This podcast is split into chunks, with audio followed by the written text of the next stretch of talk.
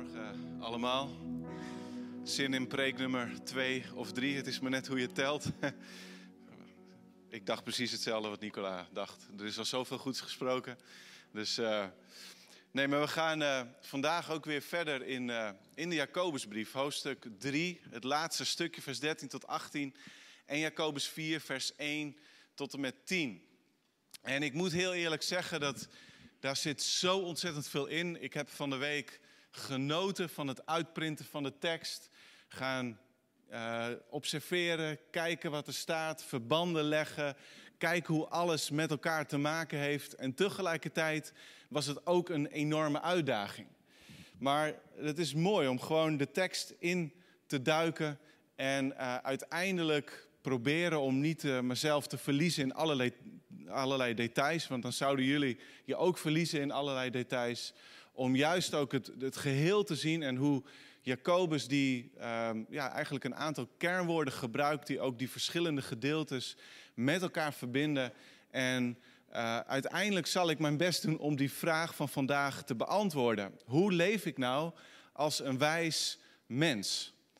Nou, dat is een grote vraag. En ik ga kriskras door alle teksten heen om die verbanden te laten zien en een antwoord te geven. Dus deze preek is voor alle wijsneuzen, wijsgeren, eigenwijze mensen. Mensen die anderen graag iets wijs maken. Mensen die andere mensen echt wijzer maken. En alles, iedereen. Dus hoe wijs of onwijs je ook bent, vandaag is voor jou. En vandaag stelt Jacobus ook ons de vraag, lezen jullie mee, wie van jullie kan wijs of verstandig genoemd worden? Wie kan er nou wijs en verstandig genoemd worden?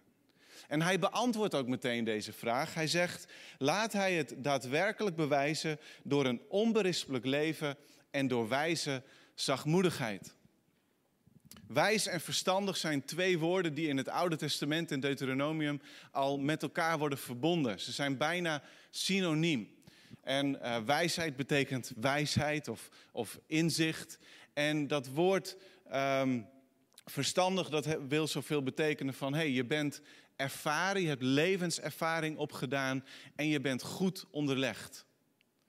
En Jacobus vraagt, wie van jullie heeft die twee in zijn leven? Wie van jullie kan wijs en verstandig genoemd worden? Hij sluit in het antwoord dan aan een beetje bij de, het taalgebruik van hoofdstuk 2. Daar zei hij al, wie van jullie heeft geloof, laat hij het dan daadwerkelijk zien door het ook te doen. Geloof zonder daden is dood, bestaat niet. En zo zegt hij ook, als jij beweert, als jij van jezelf denkt, ik ben een wijs en verstandig mens, laat het dan zien.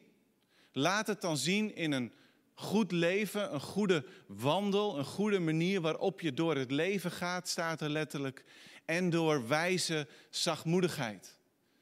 Wijze zachtmoedigheid. Zachtmoedigheid betekent zoveel in de hele context dat je vriendelijk bent, dat je goed bent voor anderen, dat je mild bent. En die combinatie is heel interessant en Warren Wiersbe die zegt het heel treffend, dat kan ik niet beter. Hij zegt zachtmoedigheid is de juiste manier om macht, om invloed te gebruiken. Wijsheid is de juiste manier om kennis te gebruiken. En die twee die zijn onlosmakelijk met elkaar verbonden. Dus daar heeft wijsheid heel veel mee te maken. De juiste inzet van je invloed en de juiste inzet van je kennis. En we gaan dan kijken naar een hele scherpe tegenstelling die Jacobus neerzet. Tussen, lezen jullie mee, de wijsheid van boven aan de ene kant en de wijsheid van beneden aan de andere kant. Ik heb het wel eens vaker genoemd dat ik, als ik een preek voorbereid, dan begin ik dus met het uitprinten van de tekst. En ik ga heel veel erbij schrijven, onderstrepen, lijntjes trekken, totdat het één grote chaos en brei is. En daar probeer ik dan weer wijs uit te worden van, oké, wat staat hier nou precies? Wat wil de schrijver opschrijven en wat betekent het toen, wat betekent het nu? We doen dat ook in de Connect Groep studies, die als persoonlijke journal ook te gebruiken zijn. Van harte nog steeds aanbevolen om, om daar aan mee te doen. Maar het is mooi om dat te doen. En er stonden op een gegeven moment in mijn kantlijn heel veel van die symbooltjes die ook op het scherm stonden, pijltjes tegenover elkaar, het symbool van een tegenstelling. En dat sluit wel aan bij hoe Jacobus vaker schrijft, dat hij schrijft heel graag in tegenstellingen. Hij zet dingen heel zwart-wit tegenover elkaar. En dat doet hij ook vandaag. En als we dan de vraag, hoe leef ik als een wijs mens willen beantwoorden, dan moeten we allereerst beseffen dat er twee soorten wijsheid zijn. De wijsheid van boven en de wijsheid van beneden. Jacobus die zegt in vers 15, dat soort wijsheid komt niet van boven. Ze is aards, ongeestelijk en demonisch of duivels. En deze drie begrippen die komen ook weer direct of indirect terug in hoofdstuk 4. Daar staat in vers 4 en 7 trouwelozen, overspelers. Beseffen jullie dan niet dat de vriendschap met de wereld vijandschap met God betekent? Wie bevriend wil zijn met de wereld, maakt zichzelf tot vijand van God. En vers 7, onderwerp u dus aan God. En verzet u tegen de duivel, dan zal die van u wegvluchten. De aardse wijsheid is de wijsheid van de wereld. En die moeten we niet verwarren met kennis. Er is heel veel kennis, ook nuttige, bruikbare kennis op deze wereld. Zeker vandaag de dag. En we hebben daar heel snel de beschikking over. Maar kennis is geen wijsheid. Wanneer die kennis wordt gebruikt om daar elkaar mee om de oren te slaan, om daarmee bijvoorbeeld God weg te redeneren, om daarmee te zeggen, zie je wel, een kruis en een opstanding, dat kan helemaal niet. Of wanneer je er macht en invloed mee uh, uitoefent om andere mensen te onderdrukken of om er zelf beter en rijker van te worden. Dat is de aardse wijsheid. De inzet van kennis met een verkeerd doeleinde. Er wordt ook gesproken over ongeestelijk. De wijsheid van beneden is, is ongeestelijk of natuurlijk. Dat wil zeggen dat ze veel meer voortkomt uit de natuurlijke gevallen mens dan uit de wijsheid die de Heilige Geest ons wil geven als we een nieuwe schepping worden en vernieuwde mensen worden. En dan is er nog de demonische wijsheid, de duivelse wijsheid. Ook dat is wijsheid van beneden, maar we moeten daar wel realistisch over zijn dat de Satan soms ontzettend wijs kan overkomen. En dat doet hij heel bewust. Hij doet het al bij Adam en Eva. Hij komt heel verstandig over, hij presenteert het heel aantrekkelijk en hij zorgt ervoor dat Adam en Eva van die ene verboden vrucht gaan eten. Dus de wijsheid van de Satan is, is verleidelijk en is soms um, verbluffend en ontzettend slim. En het zal je in de war brengen wanneer je niet genoeg de wijsheid van God in je leven kent. De gelovigen waar Jacobus aan schrijft, en voor ons is dat niet anders, die hadden, waren deze wijsheid gaan inzetten in de gemeente. En Jacobus die zegt dan dat is eigenlijk vriendschap sluiten met de wereld. Maar vriendschap met de wereld betekent automatisch vijandschap met God heel zwart-wit. Er is geen grijs daartussen. En vers 7 bevestigt dit. Je kan alleen maar dichter bij God komen waarmee je je verzet tegen de Satan en andersom geldt ook. Als je dichter naar de Satan zou naderen, dan verwijder je jezelf verder en verder van God. Dus je kunt niet van twee walletjes eten een beetje wijsheid van beneden. Een beetje wereldse kennis zo verpakken dat het onze boodschap wat aantrekkelijker maakt. Of dat ik wat aangenamer voor de wereld word. En tegelijkertijd ook proberen om de wijsheid van God erbij te betrekken. Zodat je hopelijk wel gered wordt. En zodat je toch hopelijk wel Jezus in ieder geval een klein beetje navolgt. Jacobus zegt, het is onbestaanbaar dat je dat allebei tegelijkertijd kan doen. En daarom heb ik opgeschreven, iedereen moet voor zichzelf beslissen. Waar ligt mijn loyaliteit? Verdeelde loyaliteit bestaat niet. Nou, tot nu toe blijft het heel algemeen. Maar ik wil heel graag wat meer gaan kijken naar de details waar Jacobus het dan over heeft. Naar onze houding, naar ons gedrag en naar de, resultaten of het effect daarvan. Allereerst het verschil in houding tussen die wijsheid van boven en wijsheid van beneden. Dat is nederig tegenover hoogmoedig. Jacobus 4, daar schrijft hij, daarom staat er, God keert zich tegen hoogmoedigen maar aan nederigen schenkt hij genade. Onderwerp u dus aan God en verzet u tegen de duivel. Dan zal hij van u wegvluchten. Kom nader tot God, dan komt hij nader tot u. Reinig uw handen, zondaars. Zuiver uw hart, twijfelaars. Weeklaag, wees treurig en laat uw tranen vloeien. Laat uw lachen veranderen in droefheid en uw vreugde in somberheid. Verneder u voor de Heer, dan zal Hij u verheffen. De levenshouding van iemand die leeft met wijsheid van beneden is hoogmoed, trots, arrogantie, neerkijken op andere mensen. En de levenshouding van iemand die leeft met wijsheid van boven is nederigheid. Denk aan Salomo. Salomo die wordt op een gegeven moment koning en God die verschijnt aan hem en die zegt, Salomo, vraag wat je wilt, ik zal het je geven. En Salomo die had alles kunnen vragen, maar hij zegt, schenk mij wijsheid en inzicht. Weer die twee. Zodat ik uw volk kan leiden, want hoe zou ik anders dit grote volk van u kunnen besturen. In eigen woorden, ik heb een overweldigende taak gekregen. Het is te groot voor mij. Ik schiet aan alle kanten tekort. En ik heb praktisch inzicht nodig in het leven, uw inzicht, God, zodat ik uw volk goed kan leiden. En dat is een nederig antwoord. Salomo die ontvangt met open armen alles wat hij nodig heeft van God om een goede koning te zijn. En we zijn ook nederig naar God als we ons aan Hem onderwerpen. Als we ons stellen onder Zijn heerschappij, onder Zijn gezag. Als we zeggen, God, U bent de baas. U hebt de leiding.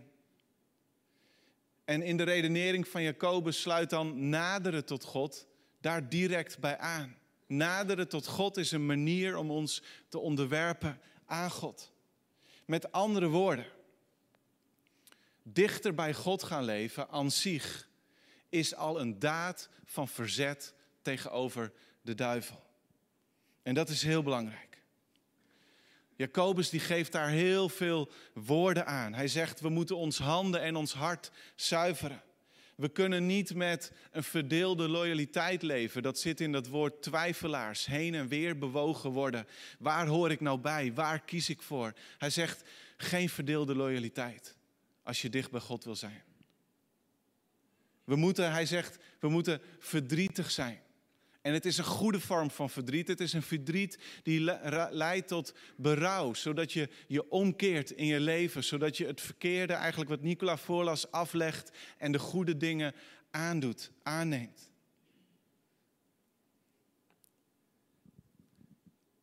Het is een verdriet wat we kunnen ontwikkelen. Wanneer we beseffen over ons eigen leven dat we niet genoeg tijd met God hebben doorgebracht. Dat ons leven wordt gevuld met allerlei onzuiverheid, met allerlei onreinheid. En een klein beetje onzuiverheid kan het geheel al heel erg verkeerd maken. Ik denk aan het voorbeeld van een vrouw die ging koekjes bakken en haar zoon die wilde voor het feestje, die wilde een film kijken waarvan hij wist, mijn moeder vindt het eigenlijk helemaal niks. Want er zitten verschillende scènes in, die zijn niet goed. Die zijn of seksistisch of vol geweld. Maar die moeder die zei tot zijn verbazing, prima, als jij met je vriendjes die film wilt kijken, dan doe je dat. En terwijl jullie kijken, bak ik lekkere koekjes voor jullie. En ze pakte vervolgens een heel klein beetje poep van de hond die ze hadden. Een heel klein beetje. Ze mengde dat door dat geheel van het deeg. Ze bakte de koekjes. En toen de film klaar was, zei ze: Hier zijn jullie favoriete koekjes. Er zit een heel klein beetje poep in. Zo weinig dat je zult het waarschijnlijk niet eens proeven. Maar wat denken jullie? Zal iemand van die kinderen een van die koekjes hebben gegeten? En zo zegt Jacobus ook. Een heel klein beetje onzuiverheid is al te veel. Nogmaals, verdeelde loyaliteit is geen loyaliteit. En weet je, ik, ik houd voor mezelf het volgende beeld voor. Als het in ons huis donker is, dan zet ik een lampje aan. En dan wordt één kamer wordt verlicht. Maar de rest van het huis is nog steeds donker. Pas als ik door alle kamers zou lopen en ik zou in alle kamers een lamp aanzetten en in sommige kamers meerdere, zodat het echt aan alle, in alle hoeken verlicht wordt, dan is het hele huis verlicht. En jullie mogen best weten, ik heb vannacht heel veel wakker gelegen om verschillende redenen. Ik heb denk ik drie uurtjes geslapen. En op een gegeven moment, ik was uit pure wanhoop, was ik met God aan het praten over de preek en over dat ik heel graag wilde slapen. En, uh, en toen moest ik denken ook aan deze woorden. En ben ik heel eerlijk, niet iedere kamer van mijn leven is 100% verlicht. Ook in mijn leven zijn er onzuiverheden. Of besteed ik soms tijd aan onzinnige filmpjes op social media. En te weinig tijd met echt praten en luisteren met God. Bijbel lezen lukt vaak wel, maar om daar echt de tijd voor te nemen. En ik werd er echt vannacht een beetje verdrietig van. En ik, en ik geloof dat het een verdriet is tot iets goeds. Maar ik denk dat het goed is voor ons allemaal om af te vragen: hoe ziet mijn leven eruit? Waar is het mee gevuld? Waar ligt mijn loyaliteit? Zijn mijn daden in lijn met mijn woorden daarover? Klopt het nog? Is het zuiver? Is het rein? Nader ik tot God?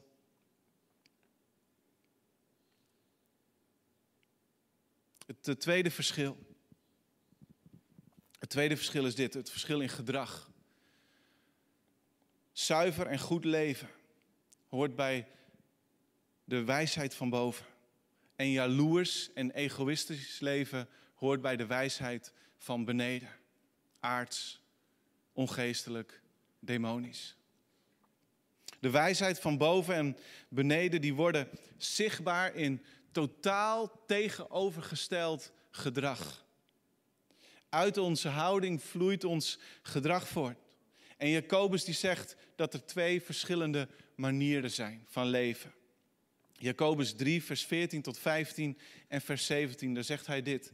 Maar als u zich laat beheersen door bittere jaloezie of egoïsme, kunt u beter niet zo hoog van de toren blazen. U zou de waarheid geweld aandoen. Dat soort wijsheid komt niet van boven. Ze is aards, ongeestelijk en demonisch. De wijsheid van boven daarentegen is voor alles zuiver. En verder vredelievend, mild en meegaand. Ze is vol ontferming en brengt niets anders dan goede vruchten voort. Ze is onpartijdig en oprecht. Daar staat letterlijk niet hypocriet. Een jaloezie is killing. Je benijdt iemand anders om wie die is, om wat hij kan, om wat hij doet, om wat hij heeft gepresteerd. En wie een bondgenoot zou kunnen zijn, die wordt tot een rivaal, omdat je denkt: of ik moet die ander eronder houden, of ik moet ver weg bij die ander blijven, of ik moet beter worden. Maar jaloezie maakt zo ontzettend veel kapot, ook in de gemeente, ook onder de gelovigen waar Jacobus aan schrijft.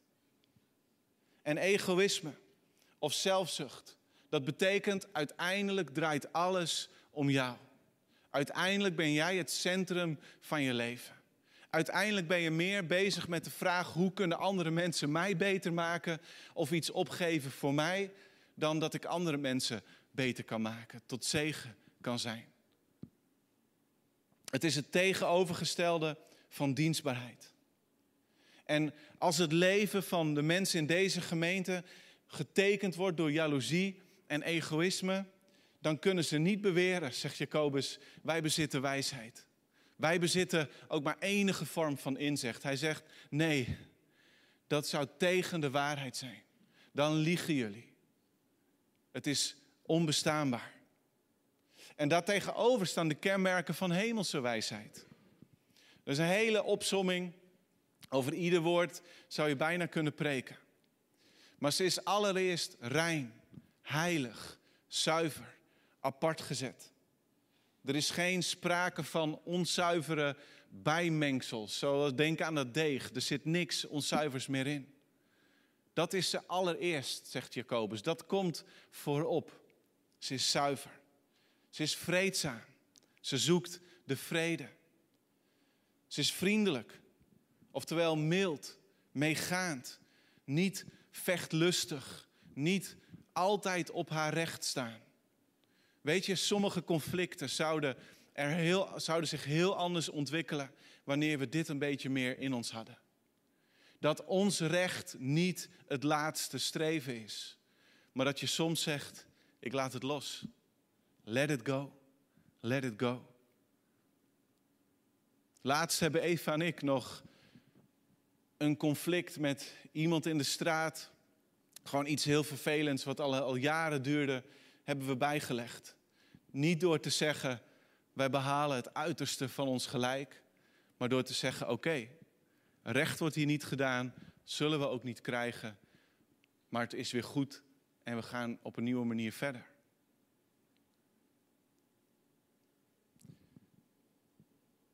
De wijsheid van boven is gezeggelijk. Ze laat zich door de waarheid overtuigen, betekent dat. Ze is vol ontferming, vol van de barmhartigheid waarvan Jacobus in hoofdstuk 1 al zei, dit is zuivere godsdienst. Het helpen, het dienen, het zegenen van de wezen en de weduwe. Dat is deze ontferming. Ze is daarom ook vol goede vruchten. Ze is onpartijdig. Ze zet net niet mensen tegenover elkaar. Ze speelt niet mensen tegen elkaar uit. En ze is dus oprecht, ongeveinsd, niet hypocriet. Dat is een heel interessant woord uit de Griekse theaterkunde. Je had vaak bijvoorbeeld in een toneelstuk, ik noem maar wat, acht rollen. En er waren drie toneelspelers. Want als je dan drie toneelspelers had, dan kon je meer winst van de tickets voor jezelf opstrijken. Maar dan kon je acht rollen spelen door verschillende maskers op te zetten. Daar komt dat hypocriet vandaan. En die acteurs die zetten dus verschillende maskers op om zich als verschillende mensen en in verschillende rollen neer te zetten. En Jacobus zegt, de wijsheid van boven zet alle maskers af. En wij leven ook heel vaak met maskers. Wij laten heel vaak in verschillende verbanden iets anders van onszelf zien. En ik ben eerlijk, als ik op het podium sta, dan laat ik het liefst het beste van mezelf zien. Maar ik ben niet altijd goed. En soms is dat een masker om mezelf erachter te verbergen, om te hopen dat iedereen naar mij luistert, of iedereen mij serieus neemt, of iedereen mij nog wel aardig vindt. Maar Jacobus zegt, doe alsjeblieft maskers af. Als er ergens een plek is waar ze af kunnen, dan is dat in de gemeente, in de kerk, waar het veilig zou moeten zijn om elkaar echt te zien. En we kunnen ons allemaal voorstellen hoe de conflicten, hoe de strijd, hoe Jacobus gebruikt zelfs het woord oorlogen in deze kerk zouden veranderen. Als deze kenmerken, uh, als, de, als iedere gelovige deze kenmerken zou uitleven. Dan zou je het niet meer hebben over conflicthantering, dan zou je het hebben over conflictrevolutie. Want dan verandert het echt. Jacobus 4, vers 2 tot 3 zegt nog dit. U verlangt naar iets, maar krijgt het niet. U bent jaloers en moordlustig, maar bereikt uw doel niet. U bekvecht en twist met elkaar. U krijgt niets omdat u niet bidt. En als u bidt, ontvangt u niets. Omdat u verkeerd bidt. U bidt met verkeerde motieven. U wilt alleen maar uw eigen hartstochten bevredigen. Ik zou hier heel, heel veel over kunnen zeggen, maar um, ik, ik ga door. Ik wil je nog wel een vraag meegeven. Wat vertelt jouw gedrag over jouw levenshouding? Wat vertelt jouw gedrag? Wat zijn de kenmerken van jouw leven? En wat laten ze zien over waar jij je wijsheid vandaan haalt? Er is een heel groot verschil in levenshouding. Die leidt tot allerlei verschillende gedragingen. En het effect daarvan is ook weer zeer verschillend. Dit is mijn laatste punt. Het verschil in effect is dit. Wijsheid van boven resulteert in vrede en gerechtigheid. Wijsheid van beneden resulteert in wanorde en allerlei kwaad. En ik heb heel bewust juist deze woorden tegenover elkaar gezet. Ze komen uit de Bijbeltekst. En als je de hele structuur gaat ontdekken en verbanden gaat weergeven, dan kom je eigenlijk hierop. En het is ook in lijn met andere Bijbelboeken, waar vrede het tegenovergestelde is van wanorde. Waar um, gerechtigheid het tegenovergestelde is voor allerlei vormen van kwaad, allerlei vormen van ongerechtigheid. Jacobus die schrijft in hoofdstuk 3 en 4 dit, waar, je, waar jaloezie en egoïsme heersen, vieren wanorde en allerlei kwaad hoogtij. Waar komt al die strijd? Waar komen al die conflicten bij jullie toch uit voort? Is het niet uit de hartstochten, jaloezie, egoïsme, die strijd leveren bij al uw doen en laten? De aardse, ongeestelijke, demonische wijsheid leidt via een hoogmoedige houding tot een, een jaloers en egoïstisch leven. Met als gevolg dat er van alles kapot gaat. En dat is ook het woord wat Jacobus gebruikt voor de duivel. Diabolos. Degene die dingen uit elkaar gooit, letterlijk. Als we ons laten leiden door die wijsheid, als dat onze levenshouding bepaalt, dan gaat er van alles kapot. In onze relatie met God, in onze relatie onderling, in bedrijven, in gezinnen, in kerken, waar dan ook. En je zou eigenlijk kunnen zeggen, lees jullie mee, onze relatie met God heeft direct consequenties voor de af- en aanwezigheid van vrede en gerechtigheid. In onze omgeving, daar waar wij staan, daar waar wij zijn, daar waar wij gesteld zijn. Jacobus zegt het op deze manier. Vers 18 van hoofdstuk 3. Waarin vrede wordt gezaaid, brengt gerechtigheid haar vruchten voort voor hen die vrede stichten. Het is heel moeilijk te vertalen. Allerlei vertalingen doen het verschillend. Het is echt een beetje onduidelijk van, hoe werken die twee nou samen? Soms lijkt het er meer op dat wat wij zaaien is vrede en de vrucht daarop is gerechtigheid.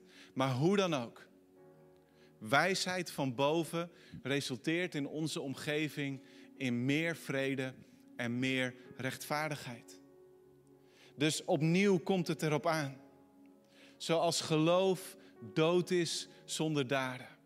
Zo is wijsheid dood zonder vrede en gerechtigheid. Hoe leef ik als een wijs mens, was de vraag. Dat betekent dat we onze wijsheid boven zoeken. Bedenk de dingen die boven zijn, zegt Paulus. Alle goeds komt van boven, zegt Jacobus in hoofdstuk 1. Streef naar de dingen die boven zijn. Bouw aan je vriendschap met God. En dat is misschien nog wel het belangrijkste vandaag.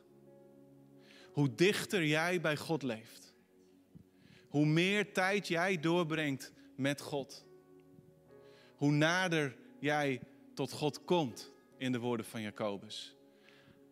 Automatisch, hoe verder de duivel van je weg moet vluchten. Hij heeft geen grip op je leven. De wereld en onzuiverheid hebben geen grip op je leven. Naarmate je dichter bij God komt. Dus ik wil jullie allemaal uitnodigen.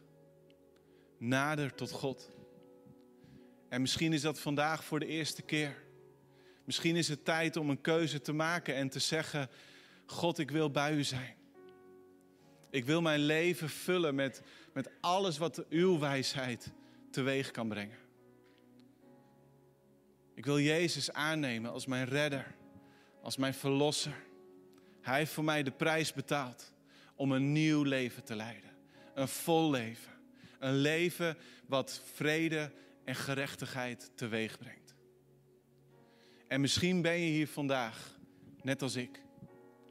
En denk je, weet je, echt niet mijn hele leven is een en al licht. Er zijn onzuiverheden binnengeslopen. Er zit onreinheid in mijn leven. Weet je, vandaag is gewoon een nieuwe dag. Een nieuwe kans. Gods genade is nieuw. Staat al in klaagliederen. Het meest trieste boek van de Bijbel. Maar Gods barmhartigheden, staat daar, zijn nieuw. En ook voor jou vandaag. Om te zeggen, weet je wat, ik keer weer om. Ik maak het deeg, ik maak mijn huis, ik maak mijn leven helemaal licht en schoon. Zullen we met elkaar gaan bidden? Vader, dank u wel. Dat u zo'n goede vader bent. Dat alle goede dingen bij u vandaan komen van boven. Ik dank u wel dat u ons vandaag wilt leren om als wijze mensen te leven. En dat begint in relatie met u. En iedereen die zegt, ik wil die keuze maken om Jezus aan te nemen als redder. Ik wil bij God horen. Terwijl iedereen zijn ogen dicht doet, wil je dan even je hand opsteken. Zodat ik voor jou kan bidden. Dankjewel. Dankjewel.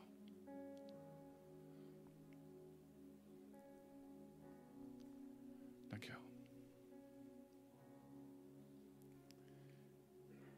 Willen jullie mij zacht nabidden? Jezus, ik aanvaard u als mijn redder.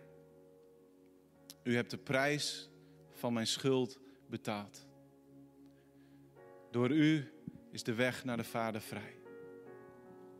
En ik wil met u leven, mijn hemelse Vader. Ik wil dicht bij u zijn, zodat alles wat niet van u is, moet wegvluchten en verdreven wordt. In Jezus' naam. En ik wil ook iedereen de kans geven die zegt: Ik heb iets te verwijderen uit mijn leven. Ik wil je uitdagen vandaag om God te naderen en je hand ook even op te steken. Ik wil heel graag met jullie en voor jullie bidden en ik steek zelf mijn hand op. Maar als je dat graag wilt, steek op dit moment je hand op. Het mag ook online, daar kun je dat ook aangeven. Dank jullie wel, dank jullie wel, dank jullie wel. Dank jullie wel. Er gaan heel wat handen omhoog. Dank jullie wel. God, we naderen tot u. We gaan zo meteen zingen om dichter bij u te komen. En op dit moment ja, richten we de ogen van ons hart, richten we de ogen van heel ons wezen op u. En zijn we eerlijk, niet hypocriet. We leggen alle maskers af voor u en voor elkaar. God, niet alles is goed. Niet alles was goed. Maar we danken u dat u door Jezus ons op dit moment wilt vergeven, wilt reinigen, wilt schoonwassen. En ik dank u wel dat we uw vrede en gerechtigheid blijvend mogen brengen door heel dicht bij u te blijven. Help ons om ons leven zo in te richten dat het vol is van u. En daarmee van uw wijsheid. In Jezus' naam. Amen. Zullen we gaan staan? Zullen we gaan staan, we gaan zingen, we gaan God naderen. Hoe geweldig is dat? Amen.